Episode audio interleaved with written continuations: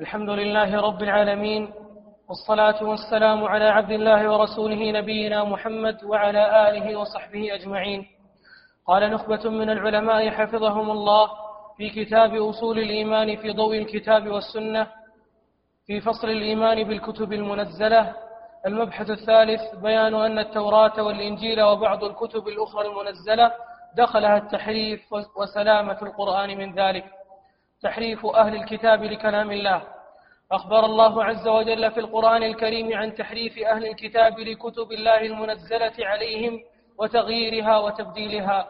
قال تعالى في حق اليهود أفتطمعون أن يؤمنوا لكم وقد كان فريق منهم يسمعون كلام الله ثم يحرفونه من بعد ما عقلوه وهم يعلمون. وقال عز وجل من الذين هادوا يحرفون الكلم عن مواضعه. وقال تعالى مخبرا عن النصارى ومن الذين قالوا إنا نصارى أخذنا ميثاقهم فنسوا حظا مما ذكروا به فأغرينا بينهم العداوة والبغضاء إلى يوم القيامة وسوف ينبئهم الله بما كانوا يصنعون.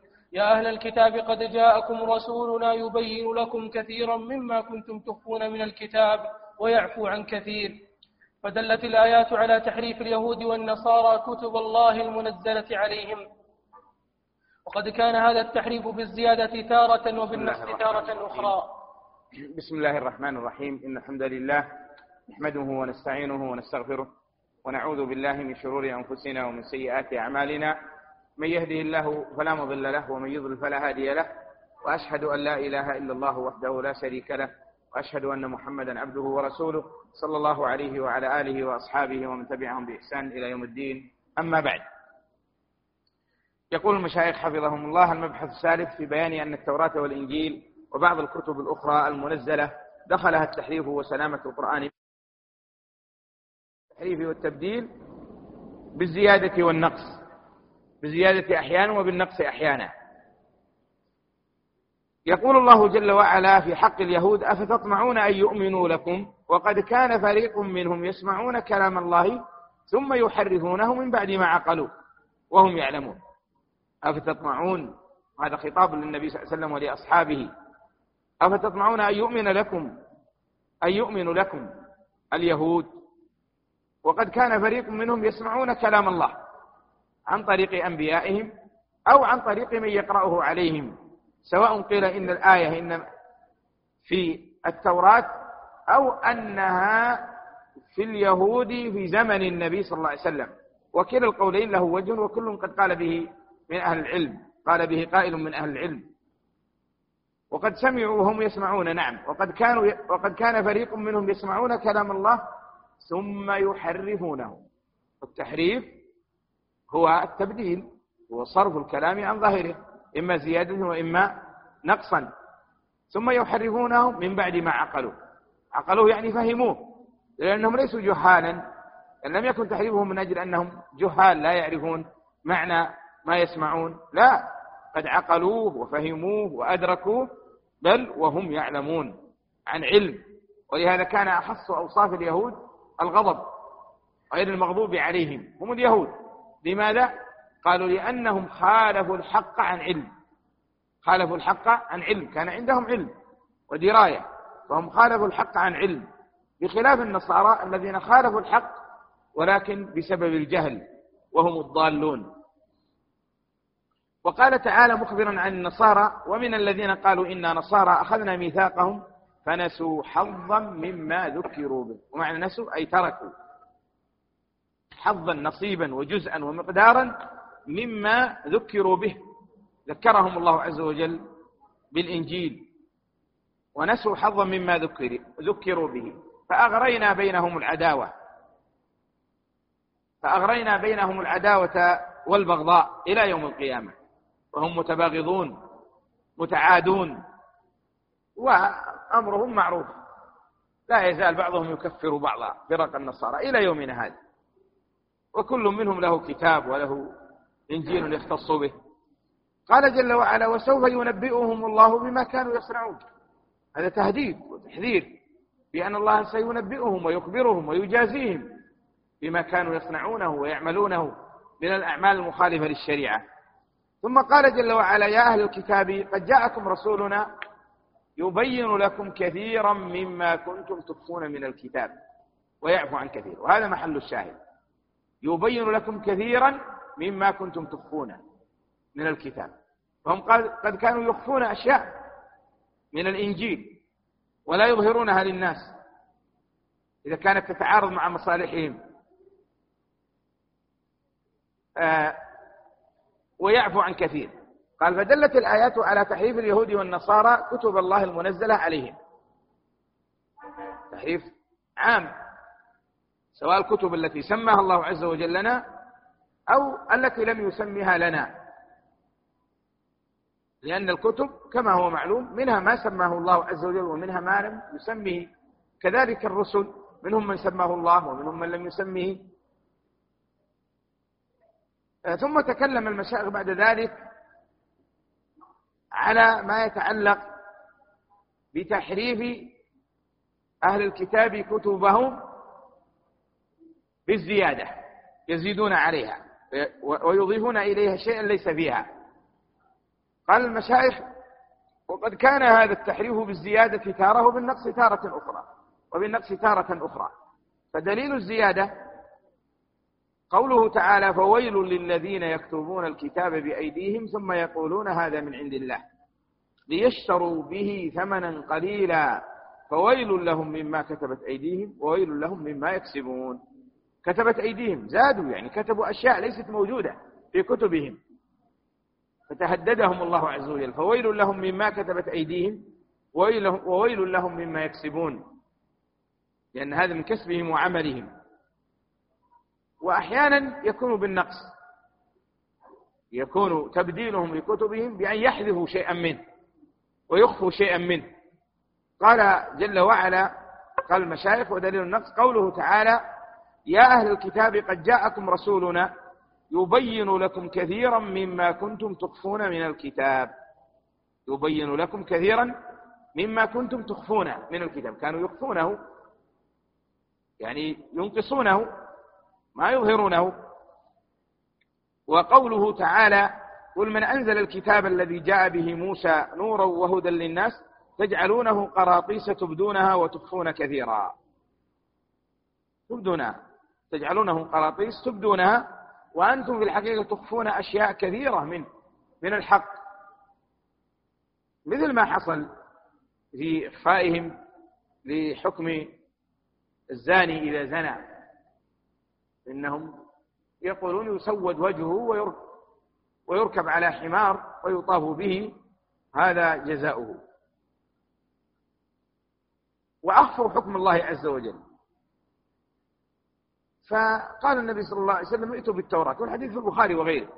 فلما جاءوا بالتوراة قرأ قارئهم. وكان عبد الله بن سلام موجودا رضي الله عنه وأرضاه.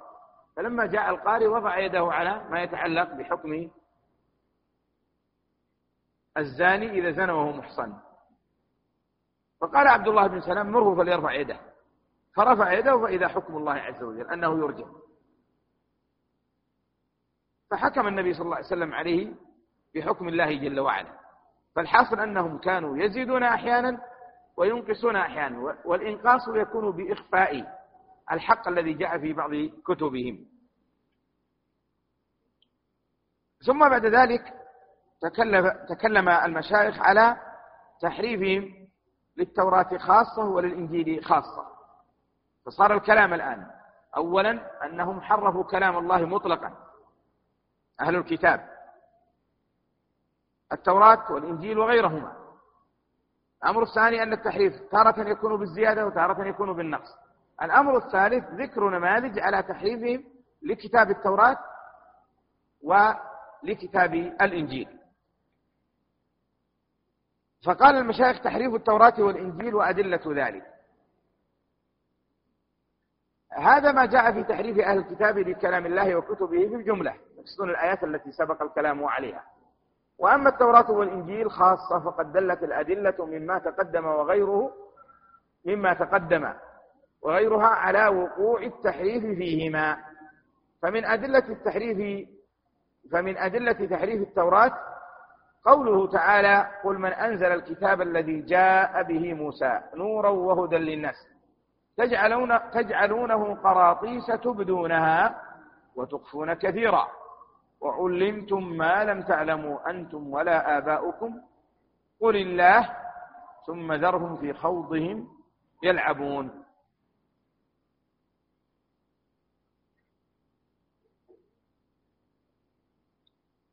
جاء في تفسير الآية وهو كلام الشوكاني رحمه الله في فتح القدير في المجلد الثاني صفحة 444 عند هذه الآية قال أي تجعلون الكتاب الذي جاء به موسى في قراطيس تضعونه فيها ليتم, ليتم لكم ما تريدونه من التحريف والتبديل وكتم صفة النبي صلى الله, صلى الله عليه وسلم المذكورة فيه. يعني يجعلونه قراطيس. قراطيس هي الصحف معروفة. وهم صاروا يكتبونه في قراطيس. وهذه القراطيس يتصرفون فيها. فيحرفون. إما أن يزيدوا وإما أن ينقصوا. فمما أنقصوه أنهم حذفوا وصف النبي صلى الله عليه وسلم. لئلا يقرأه أتباعهم. يرون أن الله أخذ عليهم الميثاق أن يؤمنوا به. إذا بعثه الله. فكانوا يخفون هذا الأمر. وقال تعالى أفتطمعون أن يؤمنوا لكم وقد كان فريق منهم يسمعون كلام الله ثم يحرفونه بعد ما عقلوا. قال السدي في تفسير الآية هي التوراة حرفوها. يعني يقصد كلام الله هنا يسمعون كلام الله. قال هي التوراة حرفوها. وقال ابن, زي ابن زيد التوراة التي أنزلها عليهم يحرفونها يجعلون الحلال فيها حراما. والحرام فيها حلالا والحق فيها باطلا والباطل فيها حقا.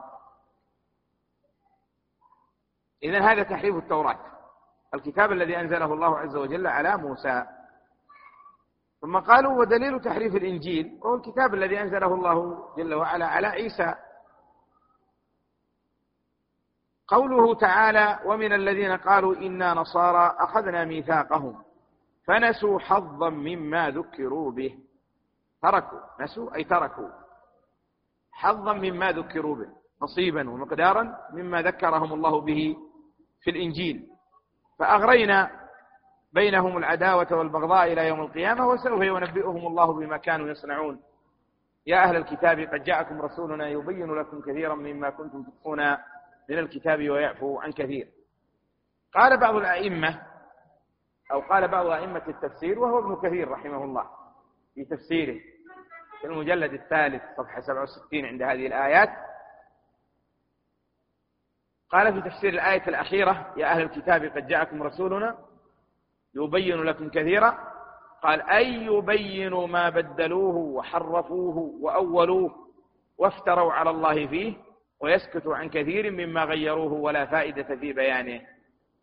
فدلت هذه الآيات على وقوع التحريف والتبديل في التوراة والإنجيل. ولهذا اتفق علماء المسلمين على أن التوراة والإنجيل قد دخلهما التحريف والتغيير. نعم. هذا خلاص ما يعتقده المسلم في هذا الباب بأن التوراة قد حرفت وبدلت وأن الإنجيل قد حرف وبدل ودل على ذلك كتاب الله جل وعلا. إذا لا يوثق بالتوراة ولا بالإنجيل الموجود الآن منها. لأنه قد دخله التحريف والتبديل. وأما التوراة التي أنزلت على موسى والإنجيل الذي أنزل على عيسى فإنه كان حقا لا شك في ذلك وأنه كلام الله. ولكنه قد غير وبدل وحرف وأسقط منه أشياء أنقصت وزيد فيها أشياء فلا يعول على الموجود منه الآن. وقد أشرنا بالأمس إلى أنه يوجد الآن الإنجيل نسخ آه، متعددة. أكثر من كتاب في التوراة. مع أن كتاب واحد أنزل على عيسى فكيف تختلف لو كانت حقا؟ القرآن ما, ما اختلف منذ زمن النبي صلى الله عليه وسلم إلى يومنا هذا إلى يوم القيامة. لا لا يزيد ولا ينقص. تجده هو هو سواء طبع في الشرق أو في الغرب أو في غير ذلك وما تجده مخطوطا مكتوبا أو ما يطبع ويكتب الآن. كل ذلك متحد لأنه محفوظ من الزيادة والنقص. ثم قال المشايخ حفظهم الله سلامة القرآن من التحريف وحفظ الله له وأدلة ذلك. أما القرآن العظيم فهو سليم مما طرأ على الكتب السابقة من التحريف والتبديل وهو محفوظ من كل ذلك بحفظ الله بحفظ الله له وصيانته إياه كما أخبر الله عن ذلك بقوله إنا نحن نزلنا الذكر وإنا له لحافظون. قال الطبري رحمه الله في تفسير الآية وإنا للقرآن قال وإنا للقرآن لحافظون من أن يزاد فيه باطل. ما ليس منه أو ينقص منه ما هو منه من أحكامه وحدوده وفرائضه.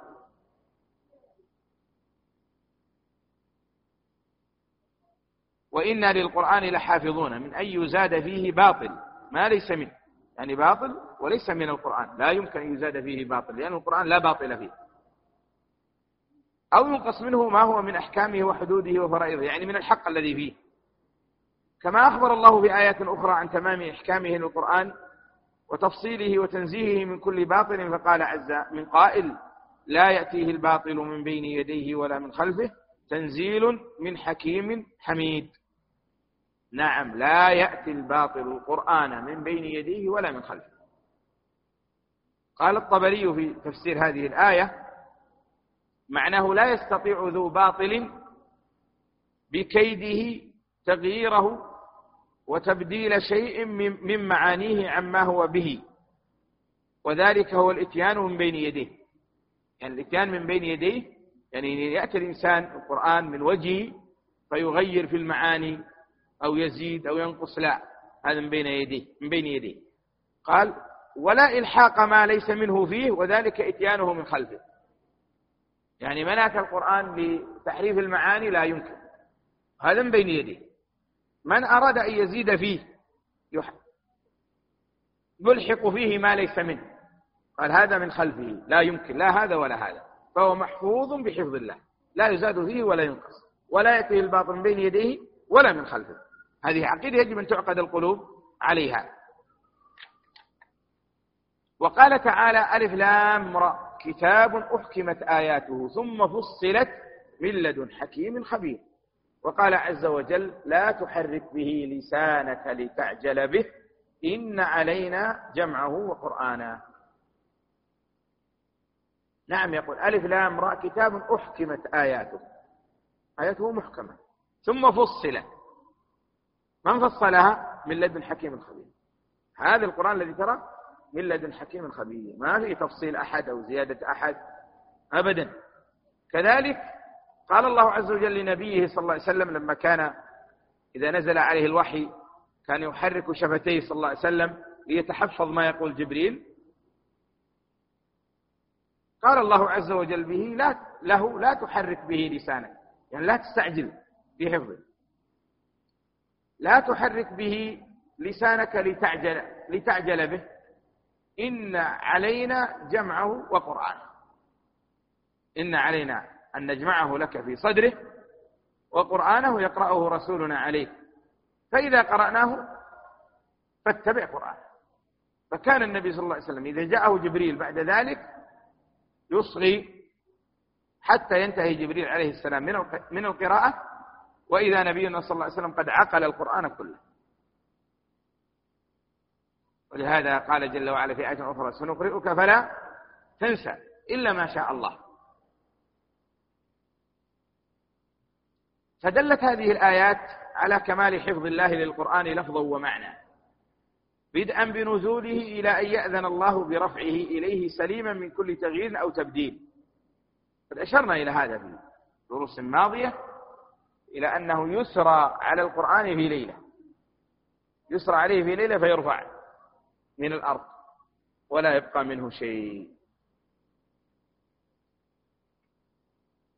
قالوا إذ تكفل بتعليمه لنبيه صلى الله عليه وسلم ثم جمعه في صدره وبيانه له يعني تكفل بجمعه في صدر النبي صلى الله عليه وسلم تكفل ببيانه أيضا له وتفسيره في سنته المطهرة. أيضا بينه النبي صلى الله عليه وسلم بعد ذلك لتبين للناس ما نزل إليهم فالنبي صلى الله عليه وسلم بين القرآن للصحابة رضي الله عنهم وفسره لهم. قال المشايخ ثم إذ تكفل بتعليمه لنبيه صلى الله عليه وسلم ثم ثم جمعه في صدره نعم ثم جمعه في صدره يعني ثم تكفل له بجمعه في صدره وبيانه له وتفسيره في سنته المطهرة ثم ما هيأ الله له بعد ذلك من عدول الرجال الذين حفظوه في الصدور والسطور عبر الأجيال والقرون. هيأ الله للقرآن بعد ذلك يعني بعد موت النبي صلى الله عليه وسلم لأن يعني الله قد حفظ للنبي صلى الله عليه وسلم وجمع له القرآن كذلك من بعده أمته. هيأ الله لهذا القرآن رجالا وصفهم بأنهم رجال لأن الرجال صفة مدح. رجال لا تلهيهم تجارة ولا بيع عن ذكر الله. فهؤلاء الرجال حفظوه في صدورهم. حفظا عن ظهر قلب. وأيضا في السطور كتبوه. وهذا من تمام حفظ الله عز وجل. وهذا مصداق قوله جل وعلا إنا نزلنا الذكر وإنا له لحافظون. قال فبقي سليما منزها من كل باطل يقرأه الصغار والكبار على مختلف الأعصار والأمصار غضا طريا كما أنزل من الله على رسوله صلى الله عليه وسلم. وقد نبه العلماء في هذا المقام إلى سر لطيف ونكتة بديعة تتعلق بجواز التحريف على التوراة وعدم جوازه على القرآن على ما روى أبو عمرو الداني عن أبي الحسن المنتاب قال كنت يوما عند القاضي أبي إسحاق إسماعيل بن إسحاق فقيل له لما جاز التبديل على أهل التوراة ولم يجز على أهل القرآن؟ فقال القاضي قال الله عز وجل في أهل التوراة بما استحفظوا من كتاب الله. ووكل الحفظ إليهم فجاز التبديل عليهم. وقال في القرآن إنا نحن نزلنا الذكر وإنا له لحافظون. فلم يجز التبديل عليهم. قال فمضيت إلى أبي عبد الله المحامل فذكرت له الحكاية فقال ما سمعت كلاما أحسن من هذا. نعم الحقيقة أن هذا الاستدلال استدلال لطيف وجيد. يقول الكتب السابقة ماذا قال الله عز وجل لهم؟ قال عنهم بما استحفظوا من كتاب الله. استحفظوا هم جعلوا حفظة. لكتبهم. أما القرآن ما أسند الله حفظه إلينا. قال إنا نحن نزلنا القرآن وإنا له لحافظون. ما قال أن استحفظنا القرآن. لأنه لو استحفظنا القرآن لاتبعنا سنن من كان قبلنا حذو القذة بالقذة. إذا هذا الفرق. كتبهم استحفظوا عليها. أما كتابنا وهو كتاب الله القرآن تكفل الله بحفظه وحده لا شريك له. لم يكله إلينا. ومن هنا وقع التحريف فيما أسند إلى الناس والبشر ولم يقع تحريف فيما تكفل الله جل وعلا بحفظه. ثم بعد ذلك قال المشايخ المبحث الرابع الإيمان بالقرآن وخصائصه. آه، تكلموا في هذه المسألة على مسألتين.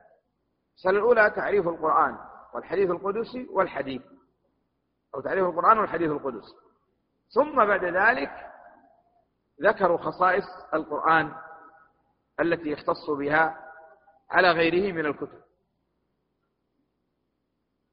قالوا تعريف القرآن والحديث القدسي والحديث النبوي والفرق بينهما. القرآن الكريم هو كلام الله منه بدأ.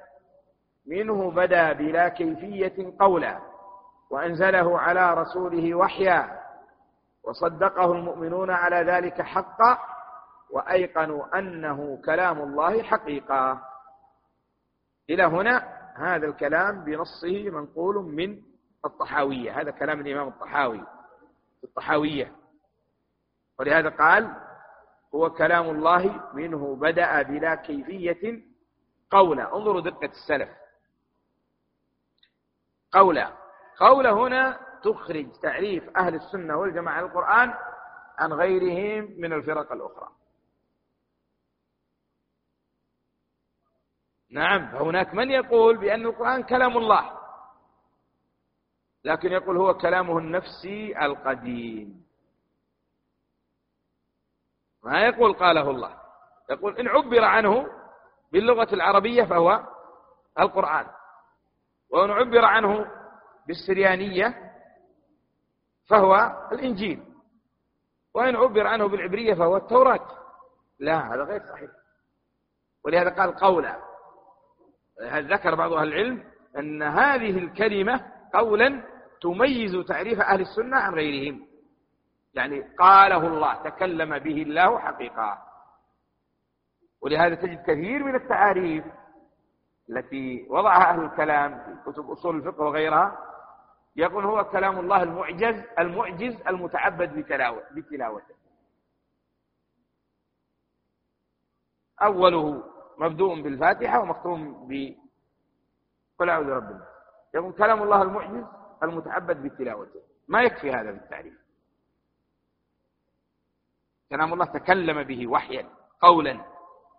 لا بد من النص على أن الله تكلم به. حقيقة. ولهذا يقول الإمام الطحاوي هو كلام الله منه بدأ بلا كيفية قولا.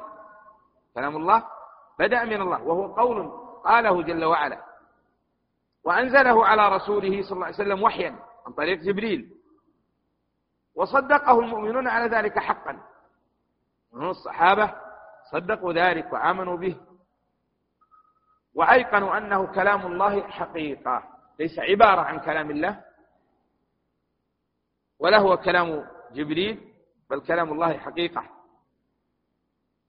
سمعه جبريل عليه السلام من الله عز وجل ونزل به على خاتم رسله محمد صلى الله عليه وسلم بلفظه ومعنى.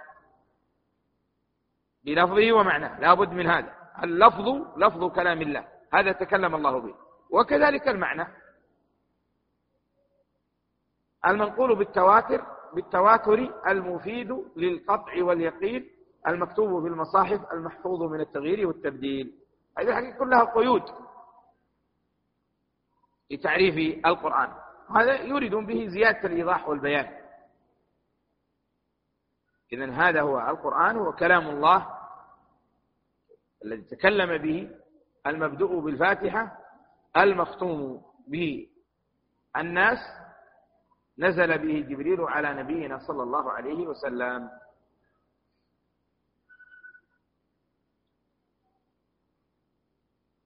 والحديث القدسي هو ما رواه النبي صلى الله عليه وسلم عن ربه باللفظ والمعنى. ونقل إلينا آحادا أو متواترا ولم يبلغ تواتر القرآن. لاحظوا هذا التعريف الحقيقة دقيق لأنهم يقولون باللفظ والمعنى. كلام الله باللفظ والمعنى. هناك من يقول هو كلام الله بالمعنى. اللفظ من النبي صلى الله عليه وسلم. المعنى من الله. واللفظ النبي صلى الله عليه وسلم تكلم به وهذا غير صحيح. وإن كان في خلاف بين بعض أهل السنة لكن غير صحيح. بل الحديث القدسي أيضا تكلم الله به. لماذا؟ لأن النبي صلى الله عليه وسلم يقول قال الله جل وعلا يا عبادي إني حرمت الظلم على نفسي وجعلته بينكم محرما. يقول النبي صلى الله عليه وسلم قال الله. ونقول لا ما قال الله. نعم، نقول قال الله عز وجل. هذا لفظه. فالحديث القدسي كذلك لفظه من الله. ولهذا من أشهر الفروقات التي يذكرها كثير من الكتب يقول الفرق بين الحديث القدسي والقرآن أن القرآن لفظه ومعناه من الله والحديث القدسي معناه من الله ولفظه من الرسول صلى الله عليه وسلم. هذا غير صحيح. هذا غير صحيح ولا يغتر بهذا القول. بل نقول الحديث القدسي لفظه ومعناه من الله عز وجل. ولكن الفروق سنذكرها إن شاء الله بعد ذلك. سنذكر الفروق الدقيقة التي يتميز بها القرآن عن الحديث القدسي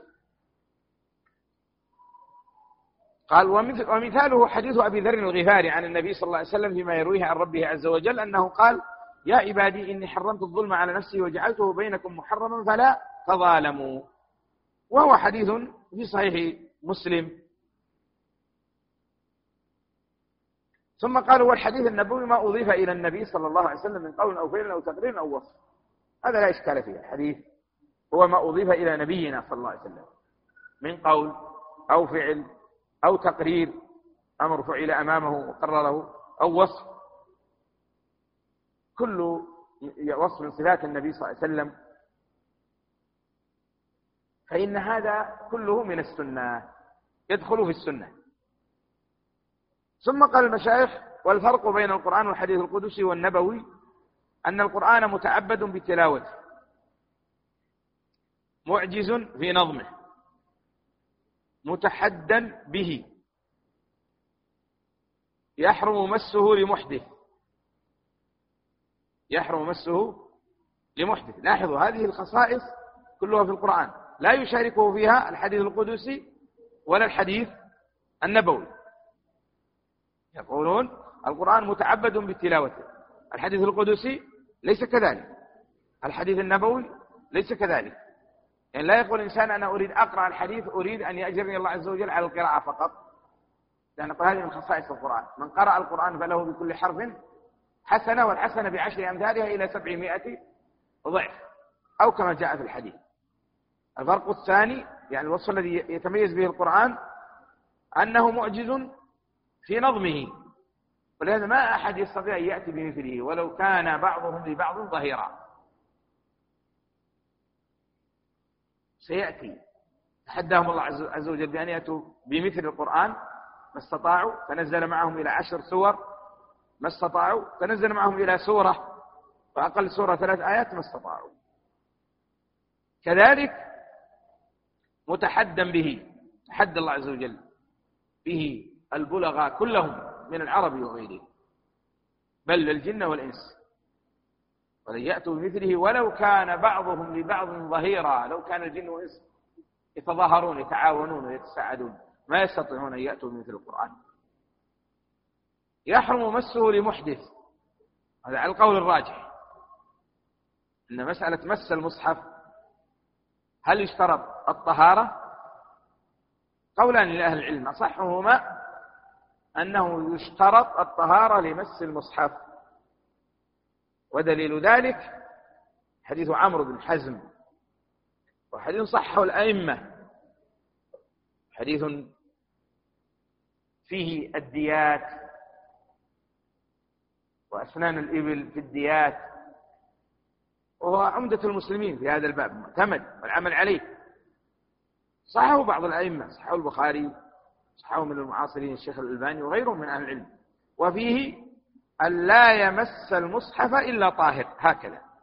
هذا اللفظ. أن لا يمس المصحف إلا طاهر. هذا الدليل على أنه تشترط الطهارة لمس المصحف. لا يمسه الإنسان إلا إذا كان طاهرا. أما إذا كان على غير وضوء فلا يمسه. قال قالوا وتلاوته يحرم مسه لمحدث وتلاوته لنحو جنب يعني وتحرم تلاوته على من كان جنوبان الجنوب لا يتلو القرآن. وهذا أيضا فيه كلام بين أهل العلم وجمهور على أهل العلم على أن الجنوب لا يتلو القرآن. لكن لو كان ليس جنوب مثلا انتقض وضوءه فقط حدث أصغر وليس حدثا أكبر. قالوا يجوز أن يقرأه حفظا من حفظه يجوز أن يقرأ لا حرج. الكلام على مس المصحف ما يمس المصحف. لكن أن يقرأ من حفظه لا بأس يقرأ ما شاء. أما الجنب لا يمس المصحف ولا يقرأ القرآن. واستدلوا على ذلك بأثر جاء عن علي. النبي صلى الله عليه وسلم كان لا يحجبه عن القرآن شيء ما لم يكن جنبا. وهذا تكلم العلماء فيه في إسناده وضعفه كثير من أهل العلم. ولكن كما قال أهل العلم أن العمل على مقتضى هذا الحديث. كان النبي صلى الله عليه وسلم لا يحجبه عن القرآن شيء إلا الجنابة. فالحاصل أن الجنوب لا يقرأ القرآن والمسألة في الحقيقة فيها خلاف بين أهل العلم لكن هذا الذي يترجح عندي والعلم عند الله تعالى. إذن وتلاوته لجنوب يعني تحرم تلاوته لنحو جنوب وروايته بالمعنى أيضا وتحرم رواية القرآن بالمعنى. ما في إنسان يأتي يقول كما قال الله عز وجل فيخطب الآية يقول أو كما قال تعالى.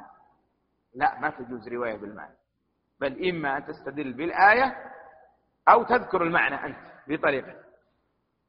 أما تقول كما قال إنا نحن, إنا نحن نزلنا الذكر وإنا له لحافظون أو نحو ذلك؟ لا. تقول بل كما قال الله إنا نحن نزلنا الذكر وإنا له لحافظون. لكن أنت ما تحفظ الآية أردت أن تأتي بالمعنى مباشرة. تقول يا أخي كما بين الله عز وجل أنه تكفل بحفظ القرآن. لا بأس. لكن الحديث تستطيع أن تقول قال النبي صلى الله عليه وسلم إنما الأعمال بالنيات وإنما لكل امرئ ما نوى أو كما قال صلى الله عليه وسلم. يعني حتى لو أخطأت بالنص وغيرت بعض الألفاظ التي تؤدي المعنى لا بأس والحديث القدسي مثله. إذا هذه من خصائص القرآن أنه لا تجوز روايته بالمعنى. طيب الحديث القدسي حديث النبي صلى الله عليه وسلم تجوز روايته بالمعنى؟ نعم تجوز على الصحيح من أقوال أهل العلم. قال وتتعين قراءته في الصلاة. ما يجوز الإنسان يقرأ بدل الفاتحة في القرآن يقرأ حديث إنما الأعمال بالنيات يقول هذا يجزي عن الفاتحة. أو يأتي بالحديث القدسي إني حرمت الظلم على نفسي وجعلته بينكم محرما. لا. لا تصح الصلاة إلا بالقرآن. ثم اقرأ ما ما تيسر معك من القرآن. لا صلاة لمن لم يقرأ بفاتحة الكتاب. من صلى صلاة لم يقرأ فيها بفاتحة الكتاب فهي خداج خداج خداج. إذن هذه من الفروق. قالوا ويؤجر قارئه بكل حرف منه حسنة والحسنة بعشر حسنات بخلاف الحديث القدسي والحديث النبوي فإنهما ليس كذلك. إذا صارت الفروق كم فرقا؟ أن القرآن متعبد بتلاوة هذا الفرق الأول.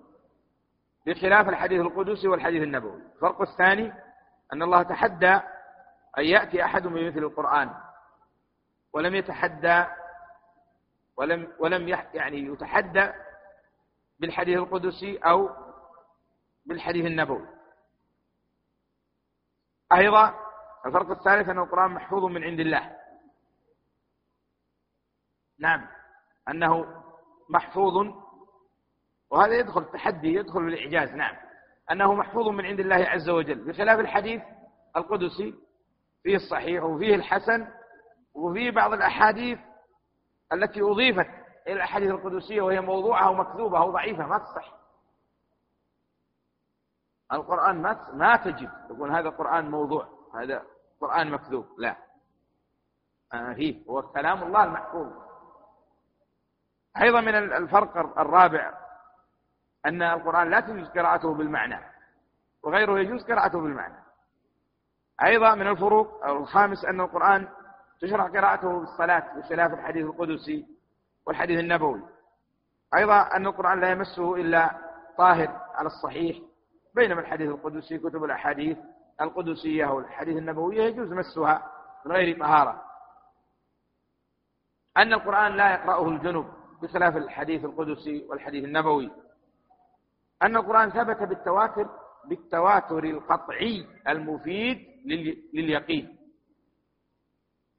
بخلاف الحديث القدسي فإن فيه حديث ثبتت بالتواتر لكن فيها حديث أخبار أحاد لم تكن متواترة.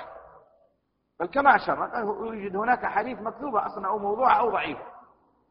هذه تقريبا الفروق بين الحديث القدسي بين القرآن والحديث القدسي والحديث النبوي.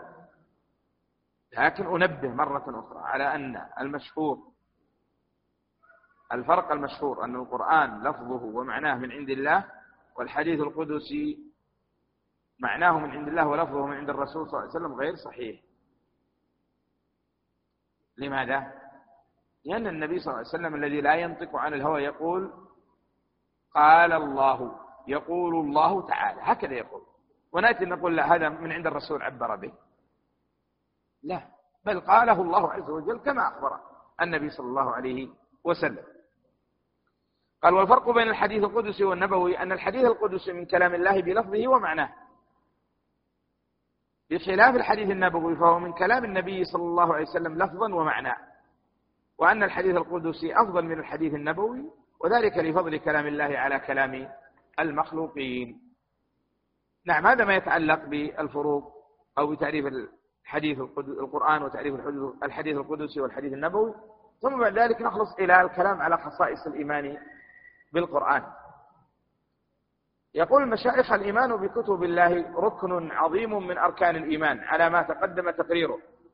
ولما كان القرآن العظيم ولما كان القرآن العظيم هو الكتاب الناسك للكتب السابقة والمهيمن عليها والمتعبد به لعامة الثقلين بعد بعثة نبينا محمد صلى الله عليه وسلم ونزول هذا الكتاب عليه اختص الإيمان به بخصائص ومميزات لا بد من تحقيقها للإيمان به بالإضافة إلى ما تم تقريره من مسائل في تحقيق الإيمان بالكتب إجمالا وهذه الخصائص هي. يعني هذه خصائص تتعلق بالإيمان بالقرآن. خصائص القرآن دون غيره من الكتب السابقة. فأولها اعتقاد عموم دعوته وشمول الشريعة التي جاء بها لعموم الثقلين من الجن والإنس. لا يسع أحدا منهم إلا الإيمان به ولا أن يعبدوا الله إلا بما شرع فيه. نعم لابد أن نعتقد هذا. عموم دعوة القرآن وشمول الشريعة التي جاء بها جاءت في القرآن للجن والإنس. ومن لم يؤمن بالقرآن ويعمل بما فيه بعد بعث النبي صلى الله عليه وسلم فليس بمؤمن. لو تعبد باليهودية أو بالنصرانية أو بغيرها فلا يقبل منه وهو وقود جهنم. ومن يبتغي غير الإسلام دينا فلن يقبل منه. والنبي صلى الله عليه وسلم يقول الحديث الذي في مسلم ومر معنا مرارا والذي نفسي بيده لا يسمع بي من هذه الأمة يهودي ولا نصراني ثم لا يؤمن بما جئت به إلا أدخله الله النار. أو كما قال صلى الله عليه وسلم. نعم لابد من هذه العقيدة. هذا القرآن من لم يؤمن به فليس بمؤمن. عام وشامل شريعته شامل الجن والإنس. ما يختص به المسلمون دون غيرهم. نعم المسلمون يختصون به من حيث العمل. لكن الجميع مخاطب به ومدعو إلى ما فيه. قال تعالى تبارك الذي نزل الفرقان على عبده ليكون للعالمين نذيرا. وقال تعالى مخبرا على لسان نبيه صلى الله عليه وسلم وأوحي إلي هذا القرآن لأنذركم به ومن بلغ. يعني ومن بلغه القرآن منذر به. اليهود النصارى المجوس الوثنيون كل من بلغه القرآن فهو منذر به ومدعو إلى الإيمان به. وقال تعالى إخبارا عن, عن الجن إنا سمعنا قرآنا عجبا يهدي إلى الرشد فآمنا به. حتى الجن سمعوا القرآن وآمنوا به؟ ودخلوا في دين الله عز وجل. فالقرآن للجميع. مخاطب به الجميع ومدعو لما فيه الجميع حتى الجن. من لم يؤمن بالقرآن من الإنس أو من الجن فليس بمؤمن.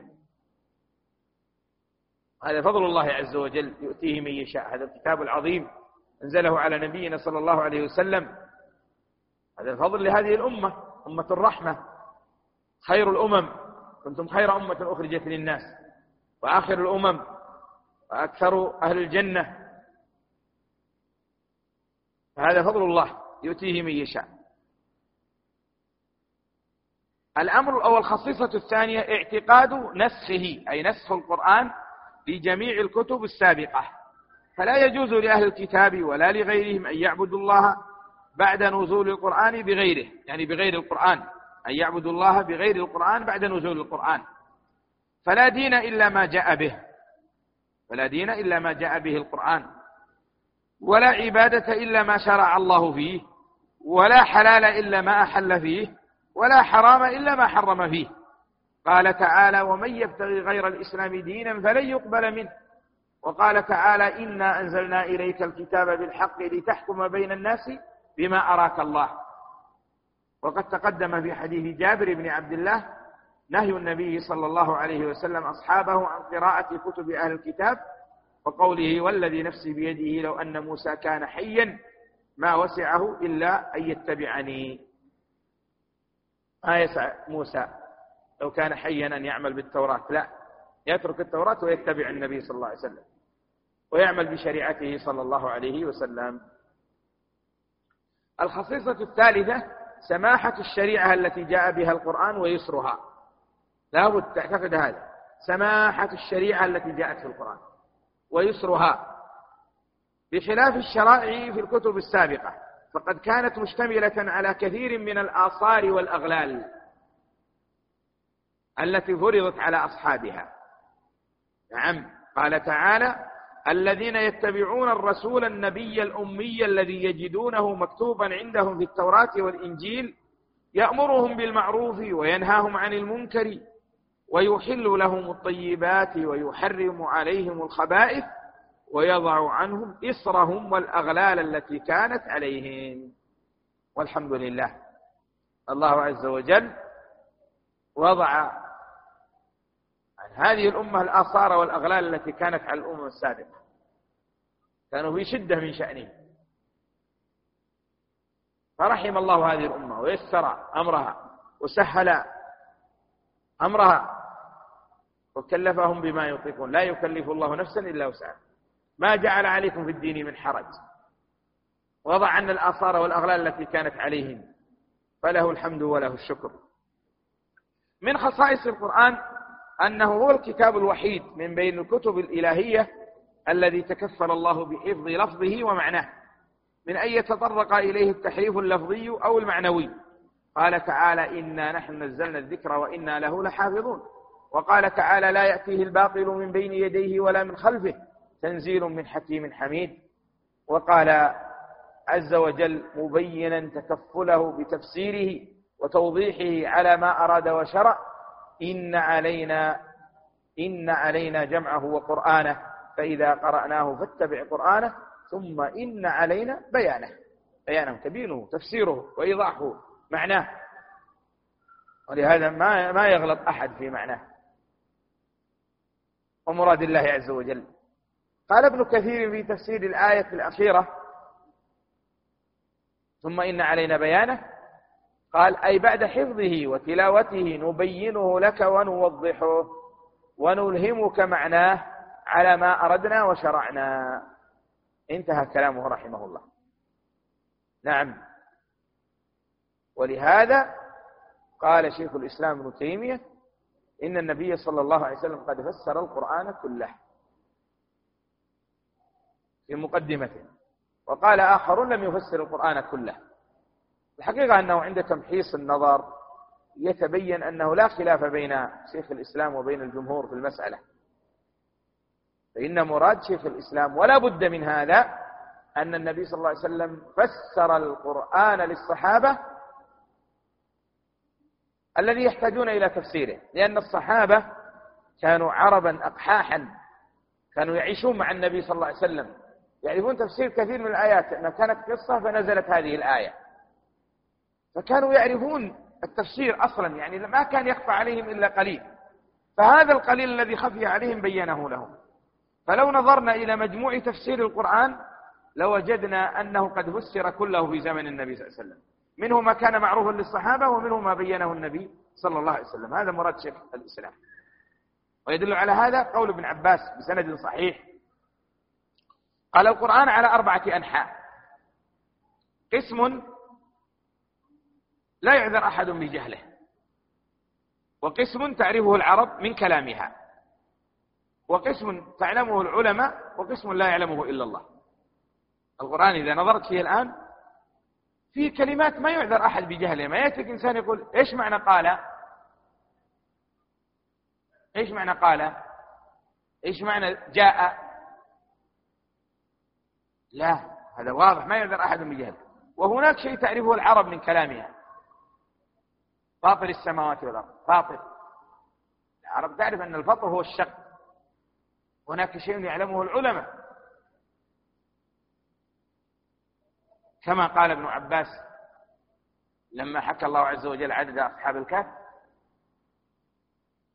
وذكر أن الخلاف فيهم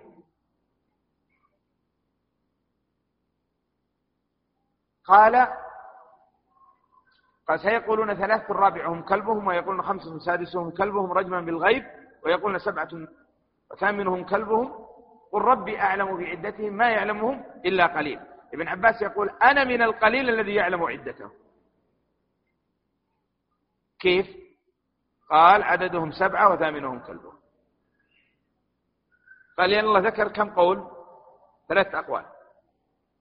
يقولون القول الأول ثلاثة رابعهم كلبهم.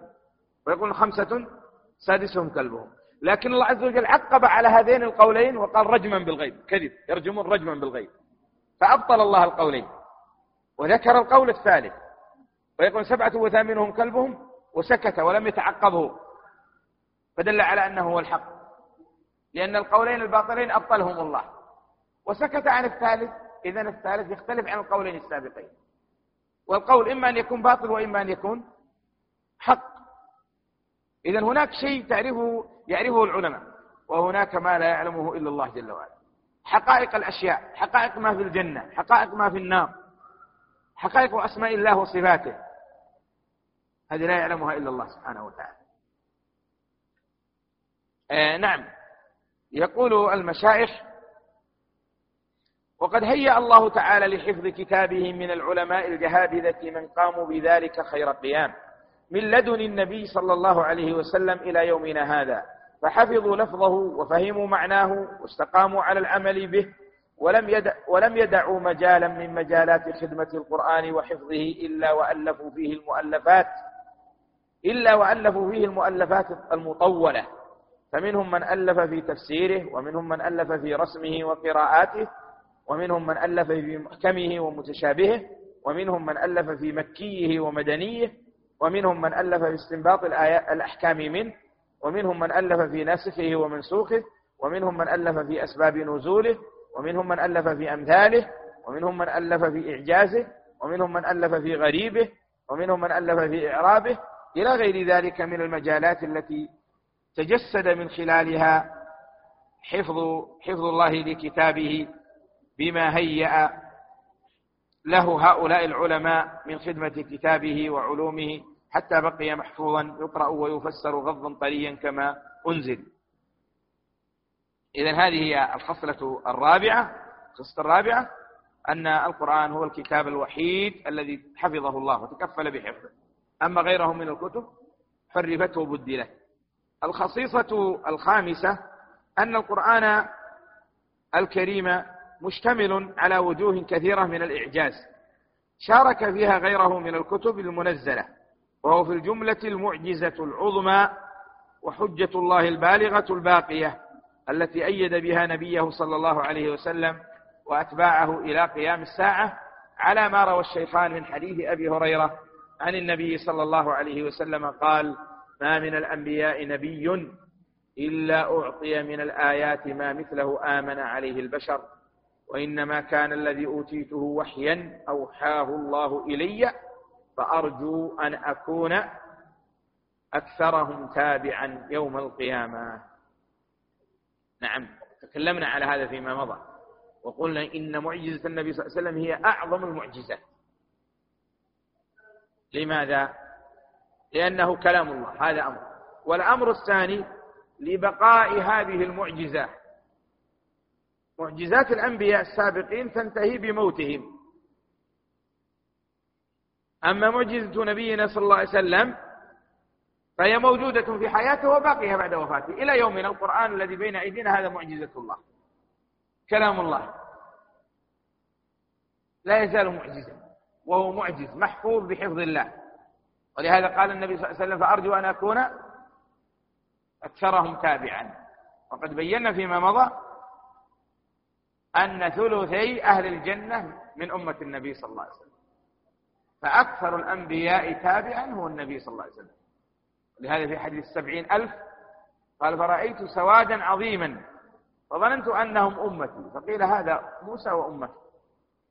ثم رأيت سوادا بعض الروايات فنظرت إلى المشرق فإذا سواد قد شد سد الأفق ونظرت إلى المغرب وإذا سواد قد سد الأفق فقيل لي هذه أمتك ومعهم سبعون ألفا يدخلون الجنة بغير حساب ولا عذاب وجاء في الحديث في بعض روايات الحديث عند أحمد وغيره في سند صحيح سبعون ألفا بغير حساب ومع كل واحد سبعون ألفا. سبعون ألف هذه رواية الصحيحين لكن عند أحمد ومع كل واحد يعني من السبعين ألف ومع كل واحد سبعون ألفا. سبعين ألف بسبعين ألف. اضرب سبعين ألف بسبعين ألف. هؤلاء كلهم يدخلون الجنة من أمة النبي صلى الله عليه وسلم بغير حساب. كثرة أمة النبي صلى الله عليه وسلم في الجنة. والحديث صحيح. والحديث صحه الشيخ الألباني وغيره. حديث مع كل واحد سبعين ألفا. قال المشايخ ومن صور إعجاز القرآن حسن تأليفه وفصاحته وبلاغته وقد وقع التحدي للإنس والجن على أن يأتوا بمثله أو ببعضه على مراتب ثلاث. فقد تحداهم الله على أن يأتوا بمثله فعجزوا وما استطاعوا. قال تعالى أم يقولون تقوله؟ بل لا يؤمنون. فليأتوا بحديث مثله إن كانوا صادقين. فليأتوا بحديث مثل مثل القرآن إن كانوا صادقين في قولهم وقال عز وجل مقررا عجزهم عن ذلك قل لئن اجتمعت الإنس والجن على أن يأتوا بمثل هذا القرآن لا يأتون بمثله. ولو كان بعضهم لبعض ظهيرا. ما يأتون بمثل القرآن. القرآن كامل ما يستطيعون. ولو كان بعضهم بعض الجن يعني الجن والإنس يجتمعون كلهم ظهيرا يتعاونون على أن يأتوا مثل القرآن ما يستطيعون.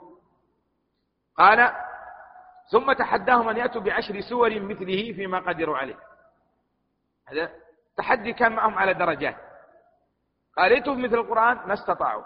قال إذا نتنزل معكم. ائتوا بعشر سور مفتريات. قال تعالى أم يقولون افتراه؟ قل فأتوا بعشر سور مثله مفتريات. وادعوا من استطعتم من دون الله إن كنتم صادقين. هاتوا عشر سور. وادعوا من استطعتم من دون الله. ادعوه واطلبوا منه واسألوه أن يعينكم يعاونكم على أن تأتوا بعشر سور. طبعا ما تستطيعون. ثم تحداهم مرة ثانية. تنزل معهم إلى سورة واحدة. وأقل سورة في القرآن سورة الكوثر ثلاث آيات. قال هاتوا سورة واحدة ثلاث آيات. سورة واحدة من ثلاث آيات ائتوا بها. فقال تعالى قالوا ثم تحداهم مرة ثالثة بأن يأتوا بسورة منه فما استطاعوا. قال تعالى أم يقولون افتراه؟ قل فأتوا بسورة مثله وادعوا من استطعتم من دون الله إن كنتم صادقين. فثبت بهذا إعجاز القرآن على أبلغ وجه وآكد. على أبلغ وجه وآكد. أظن كلمة وجه ساقطة عندكم. فثبت بهذا إعجاز القرآن على أبلغ وجه وآكده. لما عجز الخلق عن معارضته بأدنى مراتب التحدي وهو الإتيان بسورة من مثله وأقصر سورة في القرآن ثلاث آيات. إذا هو القرآن كلام الله المعجز الذي ما أحد يستطيع أن يأتي بمثله. ولو تظاهر وتعاون الناس. إذا يا أخوان هذا كلام الله. هذا كلام رب العالمين. والفرق بين كلام الله وبين كلام الناس كالفرق بين الله وبين الخلق بين الخالق والمخلوق. قالوا الخصيصة السادسة أن الله تعالى بين في القرآن كل شيء مما يحتاج له الناس في أمر دينهم ودنياهم ومعاشهم ومعادهم. قال تعالى ونزلنا عليك الكتاب تبيانا لكل شيء وهدى ورحمة وبشرى للمسلمين. وقال تعالى ما فرطنا في الكتاب من شيء. قال ابن مسعود أنزل في هذا القرآن كل علم وكل شيء قد بين لنا في القرآن. نعم. المراد أن الله سبحانه وتعالى في هذا القرآن بين لنا كل شيء إما بالنص عليه وذكره وإما بذكر الأصول العامة التي يعرف العلماء الراسخون حكم كل شيء من خلالها. ولهذا الكهرباء الآن هل بين الله حكم الكهرباء في القرآن؟ نقول نعم بينه. قال هو الذي خلق لكم ما في الأرض جميعا. كل ما في الأرض خلقه الله لنا. يعني الأصل الحل. ولهذا قال العلماء قاعدة الأصل في الأشياء هو الحل والإباحة. والأصل في الدين هو المنع. الإخوة المنظمون يقولون الإخوة الموجودون يكتبون أسماءهم في ورقة الآن يدفعونها لهم. لأنهم سيعطون كل واحد منكم جائزة. فاكتبوا أسماءكم. وهناك فائدة تتعلق بالأذان. نقول ثبت أن النبي صلى الله عليه وسلم كان يقول رضيت بالله ربا وبالإسلام دينا وبمحمد صلى الله عليه وسلم نبيا. لكن تنازع العلماء متى تقال هذه؟ هل هي بعد الانتهاء من الأذان؟ قال بهذا جمهور أهل العلم. أم أنها تقال في التشهد؟ ذهب بعض المحققين إلى أنها تقال بعد أشهد أن محمد رسول الله الثانية. فتقول أنت وأنا أشهد رضيت بالله ربا وبالإسلام دينا وبمحمد صلى الله عليه وسلم. صلى الله عليه وسلم نبيا. اختار هذا القول شيخنا الشيخ عبد العزيز بن باز رحمه الله واستدل على ذلك بما في سنن أبي داود بسند صحيح. كان النبي كان إذا تشهد المؤذن قال النبي وأنا وأنا. وأنا رضيت بالله ربا وبالإسلام دينا وبمحمد صلى الله عليه وسلم نبيا. لو تأملت في الأذان تجد أن فيه تشهدين. أشهد أن لا إله إلا الله مرتين وأشهد أن محمدا رسول الله مرتين. فالراوي يقول من الصحابي من الصحابة يقول كان إذا قال إذا فرغ من التشهد. التشهد إنما هو في أشهد أن لا إله إلا الله أشهد أن لا إله إلا الله وأشهد أن محمدا رسول الله أشهد أن محمدا رسول الله. وأما الأخير فليس تشهد وإنما لا إله إلا الله إخبار. ولهذا تقول بعد أشهد أن محمدا رسول الله الثانية تقول وأنا أشهد رضيت بالله ربا وبالإسلام دينا وبمحمد صلى الله عليه وسلم نبيا وبعد الانتهاء من الأذان تبدأ وتقول اللهم صل على محمد. اللهم رب هذه الدعوة التامة والصلاة القائمة. الحديث. نعود إلى ما كنا نتكلم عليه وهو أنه قد يقول قائل تقولون أين كل القرآن فيه بيان كل شيء؟ الآن في أشياء موجودة ما كانت في زمن النبي صلى الله عليه وسلم. الكهرباء الجوالات السيارات. نقول لكن هذا جاء في القرآن. الله جل وعلا قال هو الذي خلق لكم ما في الأرض جميعا. قال العلماء قاعدة الأصل أن الأصل في الأشياء الحل والإباحة. ويذكر ويذكر أن محمد رشيد رضا رحمه الله كان في أحد بلاد أوروبا فأجاءه بعض المستشرقين. قال أنتم تقولون كتابكم يقول إن القرآن تبيانا لكل شيء. قال نعم. قال هذا الكيس من الدقيق. هذا الكيس من الدقيق. الطحين. كم فيه خبز؟ كم فيه خبزة ائت لي بالدليل من القرآن على أن فيه كذا وكذا خبزة فأخذ الهاتف واتصل على الخباز. سأله قال كم فيه؟ قال فيه كذا وكذا. فقال هذا فيه كذا وكذا خبزا. قال أنا ما أريد أن تسأل الخباز أريد تأتيني من كتابكم.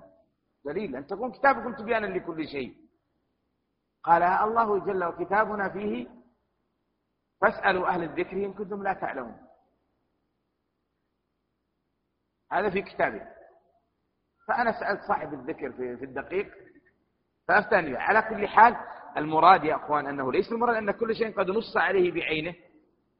هناك أشياء نص عليها بعينه لكن هناك أشياء وضعت قواعد معرفتها والحكم عليها في القرآن. ولهذا العلماء الراسخون أي حادثة أو أمر يجد ويقع في الدنيا يعرفون حكمه من كتاب الله. يقرؤون الآيات يقرؤون النصوص ويقيسون الفرع بالأصل. والقياس أصل معتبر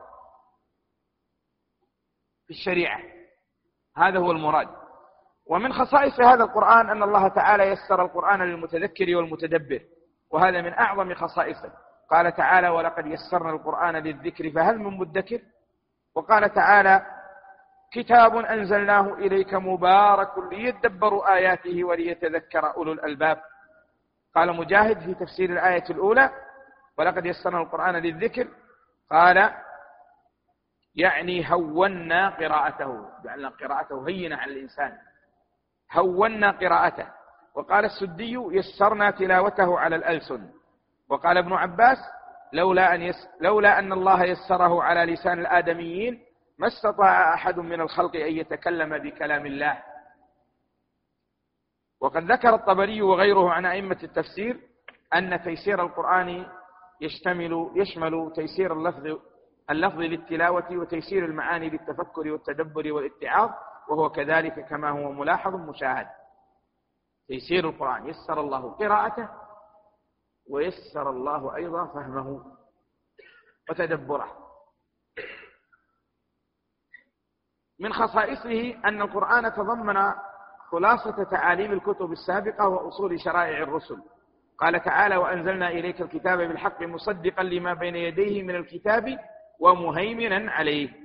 وقال تعالى شرع لكم من الدين ما وصى به نوحا والذي أوحينا إليك وما وصينا به إبراهيم وموسى وعيسى أن أقيموا الدين ولا تتفرقوا فيه.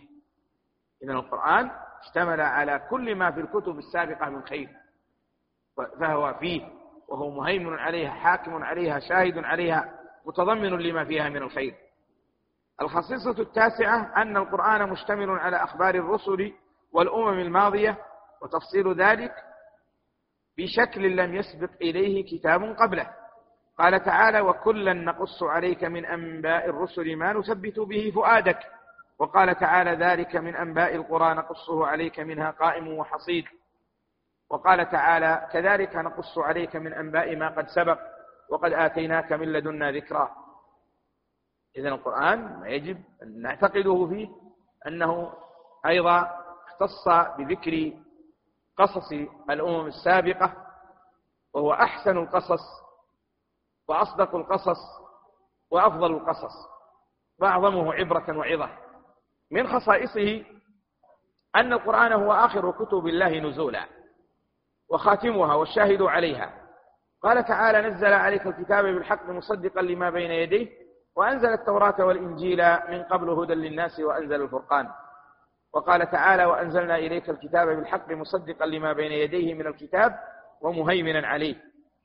فهذه بعض خصائص القرآن الكريم على سائر الكتب الأخرى مما لا يتحقق الإيمان به إلا باعتقادها وتحقيقها علما وعملا والله تعالى أعلم. يعني هذه الخصائص التي ذكرها أهل العلم آه، لا بد أن يعتقدها المسلم في كتاب الله جل وعلا. ونكون قد انتهينا من المقرر. ونقول وبالله نقول بمناسبة الحديث عن القرآن إن مما ينبغي على المسلم أن يعتني به أن يكون له جزء ورد يومي من كتاب الله جل وعلا. فلا بد أن تقرأ القرآن كل يوم. فإن النبي صلى الله عليه وسلم يقول في الحديث الصحيح من نام عن حزبه من الليل فقرأه ما بين الفجر والظهر كتب كأنما قرأه من الليل. وهذا فيه دليل على أن الحزب الذي تقرأه الأفضل أن يكون ليلا في قيام الليل. ولكن لو نمت عنه في الليل فقرأته ما بين صلاة الفجر إلى الظهر كتب لك أجر قراءته في الليل. وقد بين النبي صلى الله عليه وسلم أطول مدة تأتي عليك حتى تقرأ القرآن. فأطول مدة لا يمر عليك أربعون يوما إلا وقرأت إلا وقد قرأت القرآن. ولا تقرأه في أقل من ثلاثة أيام. وهذا يدل عليه الحديث الصحيح في الصحيحين في قصة عمرو بن العاص مع ابنه عبد الله رضي الله عنهما. فإنه زوج ابنه عبد الله امرأة من قريش. ثم مر على زوجته بعد ذلك يسألها كيف عبد الله معك؟ قالت نعم الرجل. لم يطع لنا فراشا ولم يفتش لنا كنفا. وهذه شكوى بليغة جدا. ما وطأ الفراش الذي هي عليه يعني ما دنا منها. وما فتش كنفا الشيء المستور. فاشتكاه إلى النبي صلى الله عليه وسلم فقال إلقني به. فلما جاءه قال بكم تقرأ القرآن؟ قال كل ليلة. قال كم تصوم؟ قال كل يوم. قال كم تقوم من الليل؟ قال الليل كله. فبين له النبي صلى الله عليه وسلم. والذي نريد نتحدث عنه هنا ما يتعلق بقراءة القرآن. قال النبي صلى الله عليه وسلم له اقرأ القرآن في أربعين ليلة. وهذا اللفظ في الترمذي بسند حسن صحيح. وصحه أهل العلم من بعده كذلك. صحه الحافظ بن حجر شيخ الإسلام وغيرهم من أهل العلم. قال اقرأه في أربعين. هذه أطول مدة يا أخي. لا تمر عليك أربعون ليلة وأنت لم تقرأ كتاب الله عز وجل كاملا. و فقال إني أطيق أكثر من ذلك. قال اقرأه في شهر. ورواية شهر في الصحيحين. قال إني أطيق أكثر من ذلك. قال اقرأه في عشرين. قال إني أطيق أكثر من ذلك. قال اقرأه في خمس عشرة. قال إني أطيق أكثر من ذلك. قال اقرأه في عشر. قال إني أطيق أكثر من ذلك. قال اقرأه في سبع.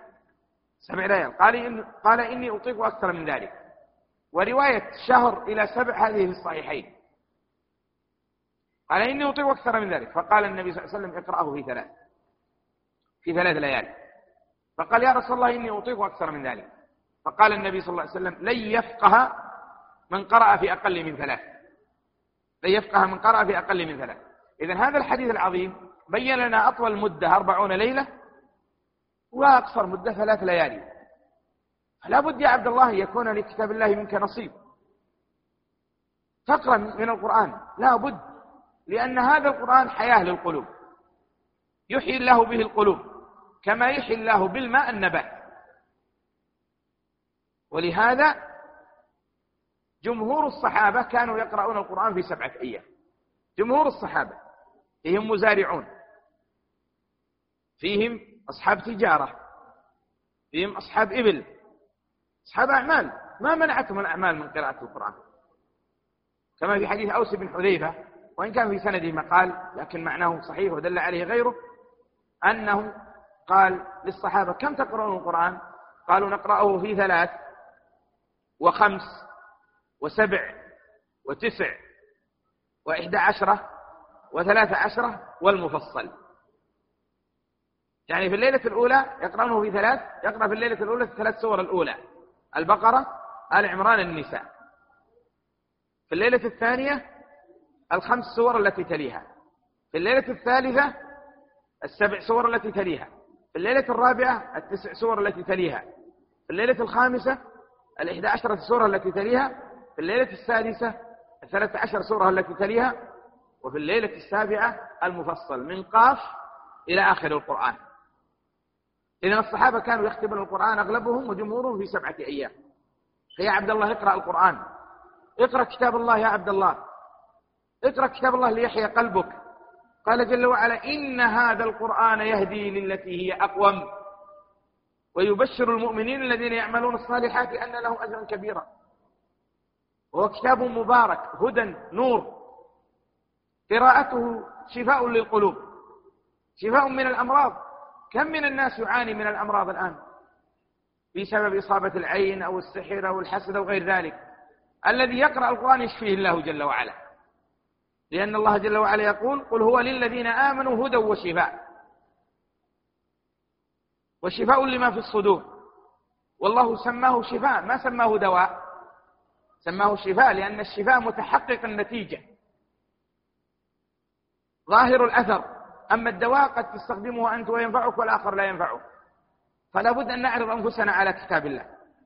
مع ما فيه من الأجر العظيم يا أخوان.